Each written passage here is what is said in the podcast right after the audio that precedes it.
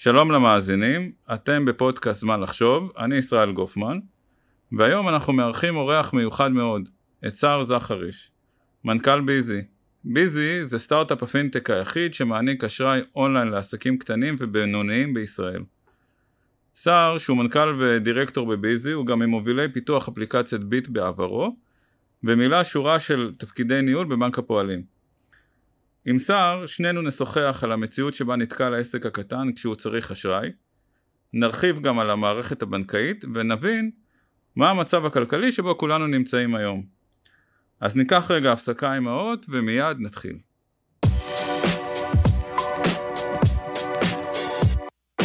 זמן לחשוב, הפודקאסט של גופמן קריאייטיב, על השראה ומציאות. סער, העניינים? מה שלומך? ברוך השם. אני שמח מאוד שבאת. תודה שהזמנת. וקודם כל רציתי לשאול אותך אם זה כיף לדעתך להיות עסק קטן במדינת ישראל. או-אה, שאלה, שאלה גדולה. אמ, קודם כל אני אגיד שכן. בסדר? אני מניח שמי שבחר אה, להקים עסק קטן, יש לו סיבות טובות. בין אם אתה ממשיך איזה עסק משפחתי, חלום, מגשים חלום, אתה עושה משהו שהוא בעל משמעות עבורך, יש לך הרבה מאוד פוטנציאל, דרך מעניינת, זה לא אומר שהיא תהיה קלה, אבל uh, אתה עושה בעשר אצבעות, אתה בונה משהו, אני חושב שכן. אבל סטטיסטית זה נגמר בבכי. סטטיסטית ב... אגב, סטטיסטית גדול זה נגמר בבכי. נגיד ככה, זה לא רק בישראל, בכל העולם, עסקים קטנים מטבע הדברים, זה אומר שאתה ב... אה, קטן יותר, עוד לא הגעת עדיין להצלחה, או למסה, או לסקייל, שבהם אתה יכול להיות יותר רגוע. לא, אבל סטטיסטיקה אומרת גם שהסיכויים שתגיע לשם הם נמוכים מאוד. אני לא יודע אם הם נמוכים מאוד. יש לנו כמה, מה אחוז פשיטות הרגל הם... בשנים הראשונות? אחוז הסגירה בשנים הראשונות, אחוז השרידות בשנים הראשונות הוא נמוך. כלומר, אנחנו מדברים על אחוזים בודדים. אה, לא, לא. הסטטיסטיקה מדברת על כך שבערך 50% מהעסקים החדשים שנפתחים לא ישרדו עד השנה החמישית. כן. אבל ככל שעבר הזמן, אתה מנצח את הסטטיסטיקה, ויש הרבה שמצליחים וגדלים. ובוא נזכור, גם העסקים הבינוניים והגדולים והמצליחים של היום, היו פעם עסקים קטנים. אז uh, יש, יש, גם, uh, יש גם הצלחות גדולות. כן, אבל אם אנחנו מסתכלים על הצלחות, אתה יודע, באחוזים נמוכים, אנחנו מסתכלים, בסופו של דבר, אנחנו, ההצלחות הן קטנות, זאת אומרת, אחוזי ההצלחה הם קטנים, ומכאן שה... השקעה בסקטור הזה שנקרא עסקים קטנים היא השקעה מסוכנת מאוד? לא בהכרח. שוב, זו אוכלוסייה אדירה. כשאנחנו אומרים עסקים קטנים בישראל, תלוי איך סופרים, אנחנו מדברים על אוכלוסייה של 700 אלף עסקים. אתה מבין שזה משהו מאוד מאוד מאוד הטרוגני. זה יכול להיות עסק של בן אדם אחד, שהוא אה, משרת לקוחות מאוד מאוד רווחי, הכל על הכיפאק, זה יכול להיות עסק שמעסיק כמה עובדים, אה, אפילו עשרות עובדים, ומשרת מאות ואלפי לקוחות. זו אוכלוסייה מאוד מאוד הטרוגנית, יש שם עסקים מצוינים, שהם בכלל לא מסוכנים, והם אפילו בדרך להיות עסקים גדולים ומצליחים. ויש כאלה שעדיין אה, מבחינה פיננסית או מסחרית או עסקית נמצאים בסיטואציה יותר מסוכנת. ש... החדשות הטובות הן שאנחנו חיים בעידן שנהיה יותר פשוט ומהיר להעריך את רמת הסיכון הזאת. רגע, אבל עוד לפני שאנחנו מדברים על רמות סיכון, בוא, בוא תעשה לנו רגע, דיברת על זה שזו אוכלוסייה מאוד הטרוגנית, תן לנו איזה סיגמנטציה שלה. סגמנטציה בדרך כלל נהוגה או לפי מספר העובדים בעסק או לפי המחזורים. אבל בגדול, אם נחלק את זה, אנחנו מדברים על עוסקים פטורים, עד רמת הכנסה מסוימת, עוסקים אה, אה, מורשים וחברות בע"מ. זה, זה האוכלוסייה. יש גם כמה שותפויות, אבל זה במספרים היותר נמוכים. אה, כשאנחנו מדברים על עסקים קטנים, אנחנו מדברים על עסקים לפי הגדרות של בנק ישראל, מעסקים שמכניסים מאות אלפי שקלים בשנה, ועד עסקים שמגיעים למחזורים של עשרות מיליונים בשנה. בדרך כלל היום, נקרא לזה במערכת הפיננסית, ברגע שאתה עובר את ה-20-30 מיליון שקל אה, הכנסות בשנה, אתה כבר עובר למה שנקרא ה middle market, לאגף המסחרי, ואז אתה כבר יצאת מהקטגוריה של העסקים הקטנים, אבל זה משהו מאוד מאוד מאוד הטרוגני. צריך לזכור, הרבה חברות בע"מ התחילו כעוסק מורשה, שהמחזור גדל, מחזור הפעילות גדל, ופתחת חברה בעם, וגדלת, וגייסת עוד לקוחות, ועוד עובדים, והעסק התרחב, ונכנסת לתחומי פעילות חדשים. זה מסע שהוא מרתק בעיניי, ומה לעשות, בין היתר, אה, לצורך המסע הזה צריך גם מימון. כסף הוא חלק אה, חשוב מהסיפור הזה, וההתנהלות סביב הכסף היא מקום שיש בו הרבה בשורה להביא. רגע, עכשיו, עכשיו תגיד, אתה דיברת כל הזמן על מונחי מחזור, זה, זה גם כן אחד הדברים שאני שואל את עצמי, למה מסתכלים על מונחי מחזור? הלוא אתה יכול להיות עם מחזור של 100 מיליון ולהרוויח, אה, להפסיד 10 מיליון, ועם מחזור של 10 מיליון ולהרוויח מיליון. זה נכון מאוד, כי זה פשוט בסיס להשוואה שהוא קל, הוא מאוד uh, קל להשוות תפוחים לתפוחים, אבל אתה צודק בהחלט, יש עסקים עם מחזורים מאוד מאוד גדולים, שמשאירים בסוף רווחיות מאוד מאוד נמוכה, כי יש הרבה מאוד הוצאות מסביב. ולהפך, ככל שהמחזור יותר גבוה, גם רמת הסיכון יותר גבוהה. לא בהכרח, זה מאוד מאוד תלוי, זה תלוי באיזה ענף אתה פועל, זה תלוי איך הלקוחות שלך נראים, תלוי איך ההצעות שלך, תלוי, זה תלוי במיליון פרמטרים. דיברת על סגמנטציה, הסגמנטציה צריך מכנה, או איזה מכנה משותף שהוא בסיס השוואה ברור. כשמסתכלים על מחזור, זה ברור. עכשיו, ברור שעסק אה, עם מחזור גדול מאוד בענף שהרווחיות היא מאוד נמוכה, הוא שונה מעסק עם מחזור יותר נמוך, אבל עם רווחיות מאוד גבוהה. אבל זה פחות מעניין. ובואו נדבר רגע על אה, ביזי. אז בואו נדבר על איך ביזי. ביזי נכנסת לכל הדבר הנהדר הזה? אז אה, מה לעשות שהיום ב... כשאתה עסקים קטנים, מרבית העסקים הקטנים, בשביל לצמוח, בשביל להתנהל בצורה שוטפת, צריכים איזשהו סוג של מימון. בין אם אימון לטווח ארוך, בין אם אימון לטווח קצר, והיום כמעט, מה זה כמעט? כל המימון הזה ניתן על ידי הבנקים. המערכת הבנקאית, אנחנו מדברים על שוק של 350 מיליארד שקל. זה האלה לפי נתונים של בנק ישראל. מתוך 350 מיליארד שקל, בערך 335 מיליארד שקלים מנוהלים על ידי חמישה בנקים או שישה בנקים. עכשיו, אה, אין לי טענות לבנקים, אה, גופים גדולים, ותיקים, עושים הכי טוב שהם יכולים. אבל בחלק אה, לא מבוטל מהמקרים, השירות שאתה כעסק מקבל מהגופים האלה הוא יכול להיות יותר טוב, נגיד את זה ככה. ופה אנחנו נכנסים לתמונה. אה, היום אנחנו מציעים בעצם אלטרנטיבה למסגרות האשראי בבנקים. מסגרת אשראי זה בעצם האשראי לטווח הקצר ביותר. מרבית העסקים צריכים איזושהי מסגרת אשראי לטווח קצר, כדי להתמודד עם כל מיני אתגרים בתזרים. פתאום אה, הגבייה קצת התעכבה, כמה לקוחות שהיו צריכים לשלם לך זה, זה מתעכב קצת, או יש הוצאות בלתי צפויות. שטווח קצר זה חודשים? טווח קצר בדרך כלל זה משהו עד שנה. עד שנה, זה לא, אלה לא אה, השקעות לטווח ארוך, זה לא מכונה שאתה רוכש, או זה נכס שאתה רוכש ואתה הולך לשרת אותך עשרות שנים קדימה, זה פערים בתזרים השוטף. אז בין אם התעכבו לך תשלומים מלקוחות, בין אם יש לך הוצאות לא צפויות שלא תכננת, אם יש איזו עונתיות בעסק, אם אתה פתאום רוצה לצמוח ויש הזדמנות לקחת פרויקט גדול שאתה צריך להוציא את ההוצאות עכשיו, אבל לראות את ההכנסות בהמשך, כדי שתוכל לתפקד, אתה צריך משהו שיממן על ה... את... יגשר על הפערים האלה בתזרים. היום זה נעשה באמצעות מסגרות בבנקים. אגב, רק המסגרות בבנקים זה שוק של סדר גודל של 80 מיליארד שקל. לפי נתונים של בנק ישראל, מתוך אותן מסגרות שכל העסקים מכירים, בכל רגע נתון יש 18-20 מיליארד שקל שממש מנצלים אותו ונמצאים במינוס. וזה חלק ממה שצריך להתנהלות שוטפת. כמו שכל אדם פרטי צריך כרטיס אשראי כאמצעי תשלום, כל עסק צריך איזושהי מסגרת שמאפשרת לו להתנהל בשוטף. אנחנו חושבים שיש פה בשורה מאוד מאוד משמעותית שצריך להביא לשוק הזה. אגב, אתה יודע כמה אתה משלם על המסגרת שלך בבנק? אתה חושב שהמאזינים שלנו, שהם אה, בעלי עסקים, יודעים כמה הם משלמים על המינוס? תן לי לנחש. אגב, אני באמת לא יודע. כלומר, לא... אני יודע אה, בגדול של הדברים, אבל אה, לא, לא, כאילו, אם תיתן לי ש... שאלה אמריקאית, אני לא בטוח, עם, עם כל התשובות, ואחת מהן נכונה, אני לא בטוח שאני אקלע. אז אוקיי, אז כבר יש לנו פה נקודת פתיחה לא, כי זה תמיד סמוי כזה. זה, קודם כל, זה, זה קצת... אגבי, אני לא יודע, יש דברים בבנק שהם אה, עוברים באגביות ויש כאלה שהם אה, מאוד, אה, שהם, שהם מאוד מובלטים, אז זה באגביים. אוקיי, אבל אתה מדבר על זה בשוויון נפש, אבל בוא נניח, אני אקח רגע אנלוגיה במקום אחר. לא, לא נניח... בשוויון נפש, בתסכול. היום, נגיד בסלולר. בהשלמה, היום... בהשלמה, סליחה. בהשלמה, אוקיי. כן. נניח שרובנו יודעים, אני מניח, כן, זה היה נושא שהוא בכותרות, כמה אתה משלם על החבילת תקשורת שלך בחודש, על, ה... על הסלולר, או על, ה... או על האינטרנט בבית. זה 49 שקלים, 159 שקלים, 200. למה אתה לא יודע כמה אתה משלם על המסגרת בבנק? ובוא ניתן לך רמז, אתה משלם הרבה הרבה יותר מהסכומים שנקבתי בהם כרגע. למה? אני מניח מכמה סיבות. אחת זה שלא ממש התעניינתי. השנייה זה שהמידע הוא קצת אה, מובלע. והשלישית, יכול להיות שהמידע נאמר ושכחתי אותו. אוקיי. אז, אה, אה, אז בוא נגיד ככה, היום בדרך כלל איך שזה עובד על מסגרות בבנק, אתה משלם גם ריבית, כשהריבית היא באה במדרגות. זאת אומרת, לצורך העניין, נניח הבנק אישר לך מסגרת של... כן, נכון, והרביעי 100... זה ששיטת החישוב אה, היא טיפה, אה, טיפה אה, מורכבת. מורכבת, כן. אז בואו נעשה, בוא נעשה סדר.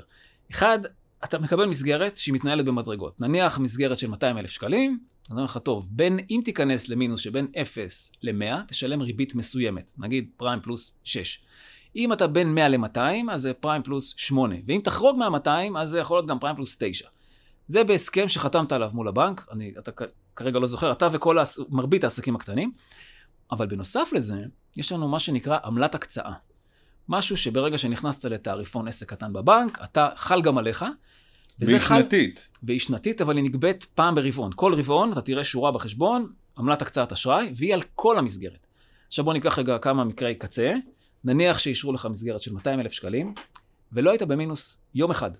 אתה משלם 2% על 200 אלף שקלים, 4,000 שקל בשנה, בשביל הזכות להיות במינוס. בשביל האופציה להיות במינוס. רגע, אז נניח שנמאס לי וכל הדברים האלה עצבנו אותי, ואתה גם עצבנת אותי עכשיו עם כל מה שאתה אומר וזה, והחלטתי לעבור, אה, לקבל הצעה מביזי, מה אני צריך לעשות?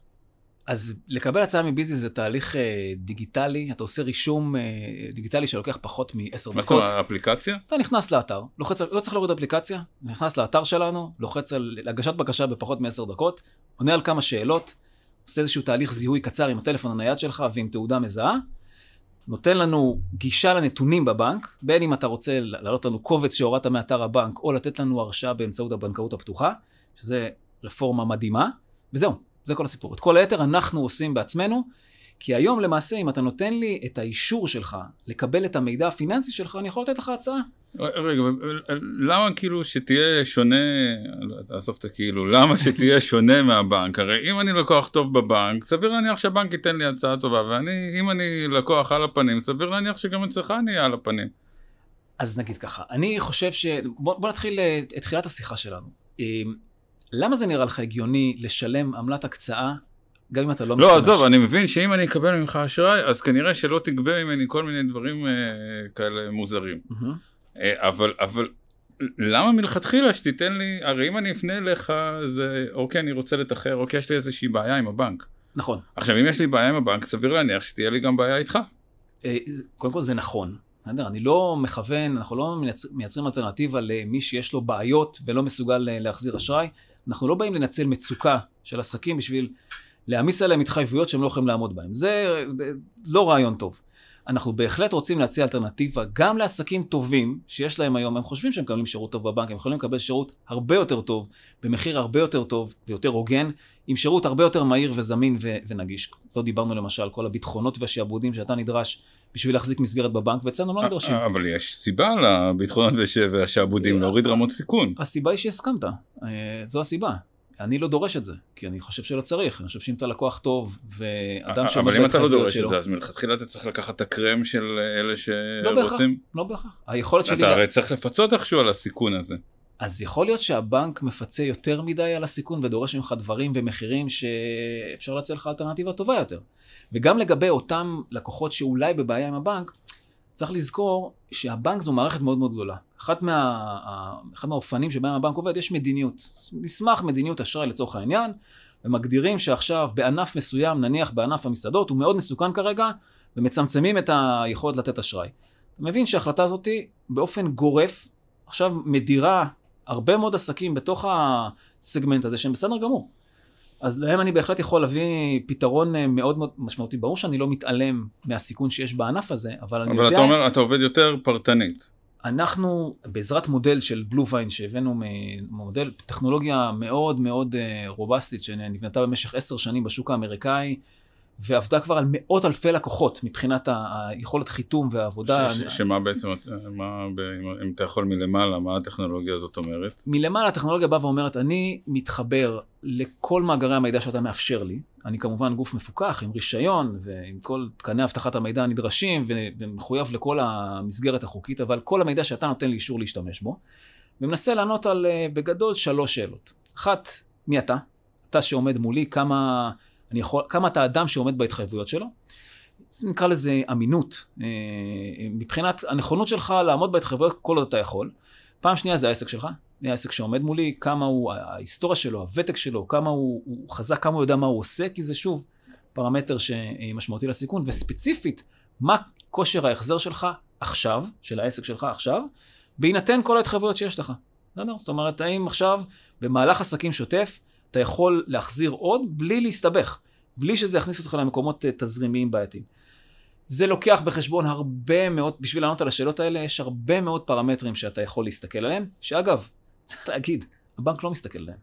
וזה, וזה קצת מוזר. תחשוב על, על הפעם האחרונה שניהלת שיחה עם הבנק, יש הרבה מאוד שאלות מאוד מרכזיות שהבנק בכלל לא שואל, אותה, לא שואל אותך, ואולי מפצה על זה בזה שהוא בא לביקור בעסק, נגיד, אבל הרבה מאוד מידע שזורם באופן שוטף, שהבנק בכלל לא רואה אותו. מידע גם חיובי וגם מידע שלילי. כמו למשל? כמו למשל, להיות במכרזים. כמו למשל... אה, כי הוא שמרן. מבחינתו לא זכית, בזה, אז לא זכית. ואם, אתה... כל עוד אין תקבולים מהמכרז, אין אה, מכרז? אתה, אתה קורא לזה שמרן, אה, אני קורא לזה משהו עצל? אחר. לא, לא עצל? אני, אני מתאמץ מאוד, הגישה שמנחה אותנו כ, כתפיסה, היא באה ואומרת את הדבר הבא. לנהל עסק קטן זה דבר קשה ומורכב, זה צוות מצומצם שיש לו הרבה מאוד משימות. את כל מה שאני יכול להשיג בלי לבקש ממך, בלי להטריח אותך, אני אשיג, תן לי את האישור. זאת אומרת, אתה, תן לי להבין בגדול, סליחה שקטעתי, אתה כאילו מסתכל על עסק ועל אה, אותו בן אדם שהגיע לבקש הלוואה, כאילו חברה בורסאית. נכון. עם, עם המקדמים הפיננסיים הרלוונטיים, ובגדול. נכון. מה ש... והבנק אה, מסתכל עליו כעל יצור uh, תזרימי. אני אגיד משהו שהוא קצת uh, חמור, בסדר? אני שנייה, חושב אנחנו, ש... כן, אוקיי. אני חושב, אה, וקצת, אני אומר את זה, קשה לי להודות, כי אני גם יוצא המערכת הבנקאית, אבל אני חושב שבאופן שוטף הבנק לא מסתכל עליך. הבנק מטפל בך באופן אה, מגיב, כשאתה בא ומגיש בקשה.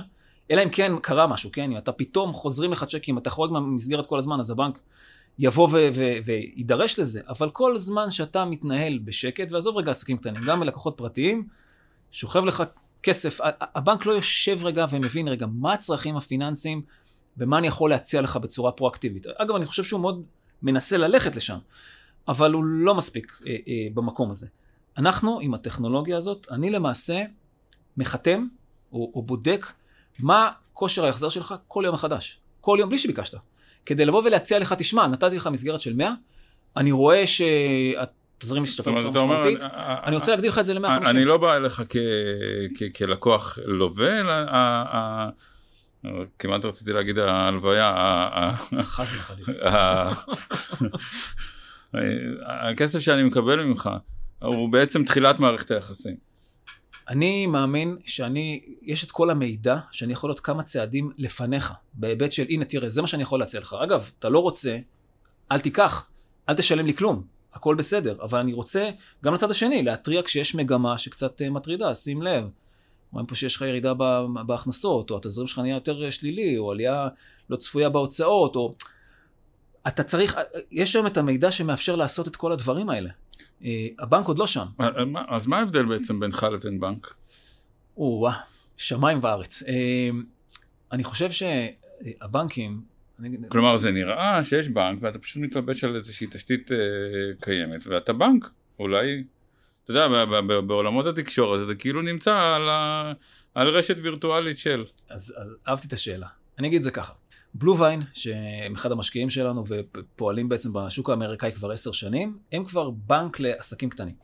הם התחילו ממוצר של invoice uh, factoring, שזה ניכיון uh, חשבוניות, אה, המשיכו לקווי אשראי, משם הציעו חשבון עו"ש, כרטיס אשראי, וממש הבינו שזו מומחיות לשרת עסקים קטנים. זה, זה, זה, זה תחום, לתת פתרונות פיננסיים לעסקים קטנים, אתה צריך להכיר את הסגמנט הזה בצורה טובה, וככל שהלקוח יותר מרוצה, אתה נותן לו עוד ועוד ועוד שירותים, אין סיבה שלא. בסטנדרט השירות שאתה יודע לתת לו, וגם במחיר שהוא תחרותי, ואתה בהחלט מהווה אלטרנטיבה לבנק. עניתי לך? אז האם יום אחד... כלומר, אני... האם יום אחד תהיה, או תרצה להיות? כן. בהחלט כן. בהחלט אתה אומר כן. אתה בנק בהתגבשות. בהחלט כן, אני חושב שאם נעלה רגע ל-30 אלף רגל, התחום הזה של הפיננסים, בעידן הטכנולוגי והדיגיטלי שבו אנחנו נמצאים, עובר מהפכה מטורפת. אני, כש... עוד לפני שיצאתי מהבנק, שתבין, היום בערך מעל ל-80% מהפעילות של הלקוחות מול הבנק נעשית במרחב הדיגיטלי. היא כבר לא נעשית פנים מול פנים. זאת אומרת, הכל עובר לדומיין שהוא, תחשוב, המידע זורם, הנתונים נמצאים שם, אתה יכול לתת שירות שהוא 24/7 ברמה מאוד מאוד מאוד גבוהה, תלוי כמה אתה מוכן להשקיע בסיפור הזה. אני חושב שבלקוחות הפרטיים הבנקים צועדים לשם אה, יחסית מהר. בעסקים הגדולים זה פחות נדרש, כי בתאגידים בדרך כלל זה צוותים גדולים שהם נותנים לך שירות מצוין. העסקים הקטנים כרגע נשארים מאחור. אנחנו רוצים לקחת אותם קדימה. להביא את המהפכה הדיגיטלית הזאת בשביל לתת שירות שהוא זמין 24/7, פשוט מאוד וקל מאוד ונוח עבורך, שתוכל להתרכז בלנהל את העסק שלך. תגיד, אה, מפחיד? מה מפחיד? המצב. המצב הכלכלי? כן. במיוחד, הרי אתה, אתה מתעסק בסקטור שהכי רגיש אליו למעשה. אמ, כן, התשובה היא כן. אמ, אנחנו רואים, תראה, אנחנו התחלנו לתת אשראים, הלקוח הראשון קיבל אשראי במרץ שנה שעברה. זאת אומרת, יש לנו כבר לקוחות שסיימו כמה סייקלים, ואנחנו, כמו שציינתי, אנחנו רואים את הנתונים כל הזמן נכנסים באופן רציף, ואין מה לעשות, הריבית עלתה. זאת אומרת, עסק שהיה לו משרת חוב מסוים, מחזיר אה, הלוואות בהיקף מסוים, החזר החוב עלה בלי שהוא לקח אשראי חדש. רק על האשראי הקיים הוא פתאום מחזיר יותר. מהצד השני, אנחנו מרגישים את ההאטה בכל התחומים. בסוף כולנו, גם כאנשים פרטיים, מדברים כבר על צמצום צריכה. יש ענפים שלמים שבהם יש האטה. פתאום יש ירידה בהכנסות בענפים מסוימים. הכל נהיה הרבה יותר אה, רגיש והרבה יותר אה, לחוץ. בתוך הדבר הזה, אני חושב שזה מייצר, א', רמת הסיכון הכללית עלתה, כן, לכולם. גם נתחיל מהעסקים עצמם, כן, אתה צריך, נדרש עכשיו לנהל את התזרים שלך בצורה הרבה יותר הדוקה. זה הזמן לנהל את הגבייה כמו שצריך, ו- ו- ולהביא את הכסף הביתה, זה הזמן להתייעל ולצמצם הוצאות שאולי בימים כתיקונם לא כל כך הפריעו לך, אבל עכשיו אה, נכון אה, להדק אותן, ולוודא שאתה לא לוקח על עצמך התחייבויות שיהיה לך קשה לעמוד בהן. אם היינו בסביבת ריבית נמוכה, וגם היה קל מאוד להתממן, בסדר, אז, אז אם אתה נקלע לאיזה סיטואציה, אז יהיה מי שיהיה מוכן לתת לך מימון, התנאים השתנו. אז צריך להיות הרבה יותר uh, מחושב והרבה יותר אחראי. יש הרבה עסקים שבתוך הסיטואציה זה בדיוק מה שהם עושים, וזה זמן מצוין לעשות סדר. זה זמן מצוין לייצר לעצמך אלטרנטיבות מעבר לבנק. כי תחשוב רגע, אני חוזר רגע לאותה מערכת יחסים מעניינת עם הבנק. היום אותה מסגרת אשראי, שאתה מנהל בבנק, שדיברנו על זה, שאתה משלם עמלה גם אם אתה לא משתמש בה, ויש מדרגות של ריבית שהן אה, לא נמוכות. אם אתה תחרוג מהמסגרת, כי נקלעת לאיזה פער בתזרים, והבנק יחזיר לך חיוב, או יבטל, או יבטל איזשהו צ'ק, לא יכבד צ'ק, לא יכבד איזושהי הרשאה, אנחנו חיים בעידן שכל הדברים האלה מדווחים, וכל הדברים האלה נרשמים. זאת אומרת, אתה אומר קל ליפול. הרבה יותר קל ליפול ממה שהיה לא. לפני עשר שנים. אני אומר, המחיר של התקלות האלה, ושתקלות שהן לכאורה תקלה כחלק ממהלך עסקים רגיל, אם פעם זה, היית מסדיר את זה אה, מול הבנק, או, או מצליח להתארגן, וזה לא נרשם בשום מקום, היום זה נרשם ומדווח, וזה מצמצם את היכולת שלך, פוגע בדירוג האשראי שלך, קדימה. בקיצור, אתה לא רוצה להיות במקום שאתה נתון לחסדיו שנותן שירות אחד, שלפני דקה גם אמרנו שהוא גם דורש ממך מחירים לא מבוטלים, וגם כשאתה תידרש לגמישות, הוא לא בטוח שהוא יהיה שם. זאת אומרת, אתה אומר שהמצב התקשה, ובמצב המוקשח שבו אנחנו נמצאים, יש חשיבות יותר גדולה לגיוון בנותני האשראי. אני חושב שאנחנו, המצב הוקשח בהחלט. אתה צריך אה, להתנהל בצורה אחראית ולנהל את התזרים שלך בצורה אדוקה, וכדאי שתייצר לעצמך אלטרנטיבות, בוודאי כאלה שלא עולות לך כסף, או כאלה שאתה משיג אותן אה, יחסית בקלות בתנאים הוגנים וטובים, כדי שתוכל להתמודד עם הפתעות, כי יהיו הפתעות, מה לעשות? נשמע מעניין. תודה רבה. אני מקווה שאנחנו נצא מהסיטואציה הזאת אה, בקרוב, כי סיטואציה באמת לא נעימה. היא סיטואציה לא נעימה, אתה יודע, אנחנו כולנו אה, עוקבים אחרי... רגילים בסיטואציות לא נעימות. אה, עוקבים אחרי הנתונים המקרו-כלכליים, תראה, פעם ראשונה... הם נראים נורא לא טוב. עכשיו, הקטע הוא שמעבר לנתון האינפלציה, ש... נראה עושה סימנים אה, שהוא בכיוון הנכון. עושה סימנים חיוביים, כן, וגם זה עם יותר מזל משכל. אז מעבר לזה, אני לא, לא רואה הרבה נקודות אור. בסדר, זו נקודת אור משמעותית. תזכור, אנחנו בעיצומו של תהליך... כן, זה אומר שהפד עשה את עבודתו. הפד, יש כבר אינדיקציות טובות גם מהשוק האמריקאי וגם מהשוק ב- בישראל, שאנחנו מתחילים להיכנס לכיוון הנכון, ותזכור, קצב העלאת הריבית היה מאוד מאוד מהיר. זה מייצר שינוי אגב, מאוד שני, מהיר. כן, זה מאוד מפתיע, כאילו, אני, נכתבו תילי תילים של מאמרים, איך הכל יקרוס, אה, והכל, כאילו, אנחנו בסדר. אנחנו בסדר, אבל אנחנו בסיטואציה שהיא היא מאתגרת, וחווינו שינוי מאוד מהיר בהיקף מאוד רחב. אני מעריך שהשנה הקרובה היא לא תהיה פשוטה, אבל בהחלט אה, המגמה היא, היא חיובית, ותזכור, עסקים שצולחים את, התרופ, את התקופות האלה, יוצאים מחוזקים. כי אה, לא יעזור. אה, כשאתה, איך נגיד את זה, מתנהל בצורה יותר אחראית, מצטייד בכלים נכונים, קורים דברים טובים. אתה תצא מחוזק ו- וצומח, ואני אופטימי. גם אני, נקווה לטוב. תודה רבה. סער, תודה רבה על הזמן, נהניתי מאוד לארח, ואני מקווה שניפגש בתקופות כלכליות טובות יותר. תודה רבה, בשמחה, אני בטוח שניפגש בתקופות uh, טובות יותר. הלוואי. תודה. תודה סער ותודה למאזינים, ואם תרצו לשמוע פרקים נוספים שלנו, חפשו את הפודקאסט זמן לחשוב בכל אפליקציות הפודקאסטים. נתראה בפרקים הבאים, תודה ולהתראות.